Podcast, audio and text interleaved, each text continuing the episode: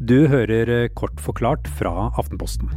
Her får du det viktigste som har skjedd i Ukraina-krigen det siste døgnet. Det er torsdag ettermiddag den 10. mars. Глобальные экономические вызовы и проблемы, военные конфликты и неизбежная необходимость защитить наших людей и свою страну. I dag er det to uker siden Russland invaderte Ukraina.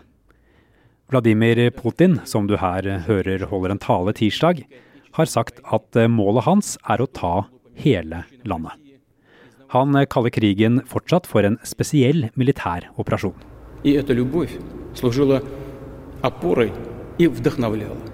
Men eh, to uker etter starten ser det ut til at det er mye som ikke har gått helt etter planen for Putin og hans russiske styrker, sier kollega Per Anders Johansen. Mål om en rask seier ble det ikke noe av. Den eneste store byen som har falt, er Kherson helt i sør. Mens eh, i storbyer som Kharkiv eh, så holder fortsatt de kurdiske styrkene stand, og det samme i Sumi og, eh, og flere andre byer i, i, grenseområdene. Så det går saktere, og vi ser nå konturene av at russerne har lagt om strategien.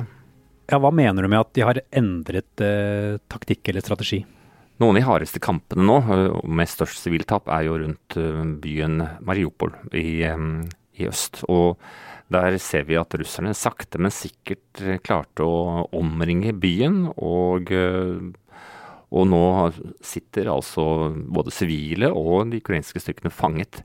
Og Det samme ser man konturene av i, i, i, kampene som nå foregår øst, hvor uh, russiske styrker uh, rykker uh, både nordfra og østfra, slik at de er i ferd med å, å, å omringe en av de viktigste, kanskje liksom, ryggraden i det ukrainske forsvaret, nemlig de om lag 100 000 soldatene som har stått og holdt opprørsrepublikken i, i sjakk.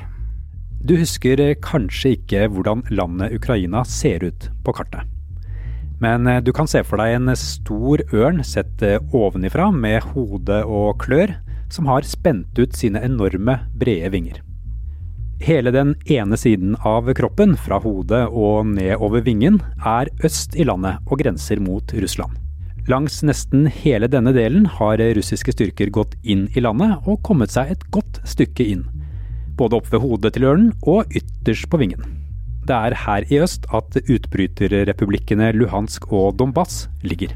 Øst-Ukraina foregår det jo harde kamper flere steder. Helt nord, i den store byen Kharkiv, den nest største byen i Ukraina, så har uh, russerne nå i faktisk nesten to uker prøvd å ta byen uten å klare det.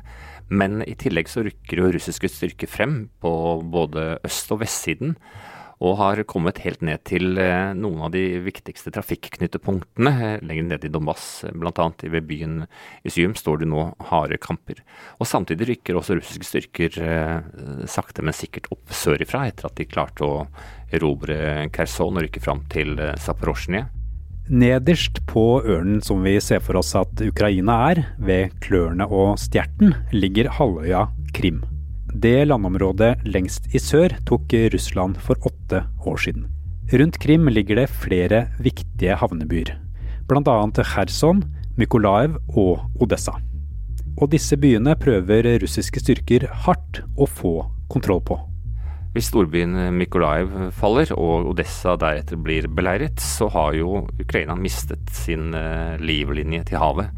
Der eh, foregår mye av importen og eksporten, og eh, Ukraina vil rett og slett ha, ha mistet tilgangen til eh, havet.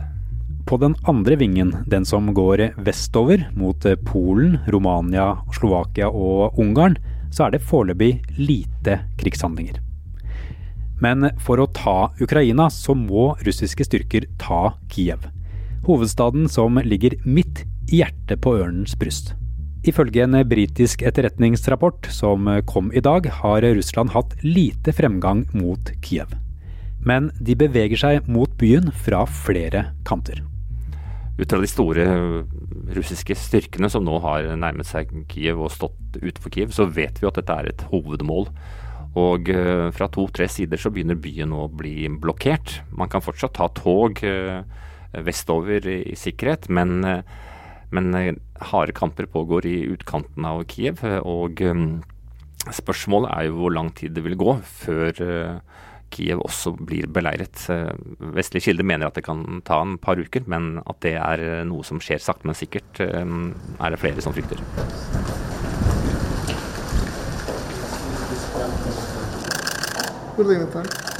Rundt et eh, stort bord formet som en klossete U satt de to krigende landene rett mot hverandre.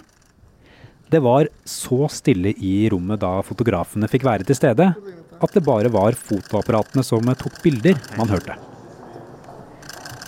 Da møtet var over, ble det beskrevet som kort og resultatløst fra begge parter. Ukrainas utenriksminister sa at han er klar for å fortsette innsatsen for å få slutt på krigen.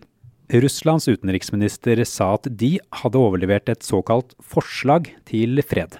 Han mener at Russland ikke har angrepet Ukraina, og heller ikke kommer til å angripe andre land. Det var dagens korte oppdatering. På aftenposten.no får du analysene, kommentarene og alt du trenger å vite om det som skjer i Ukraina nå. I tillegg kommer det flere vanlige forklarte episoder om Ukraina-invasjonen fremover.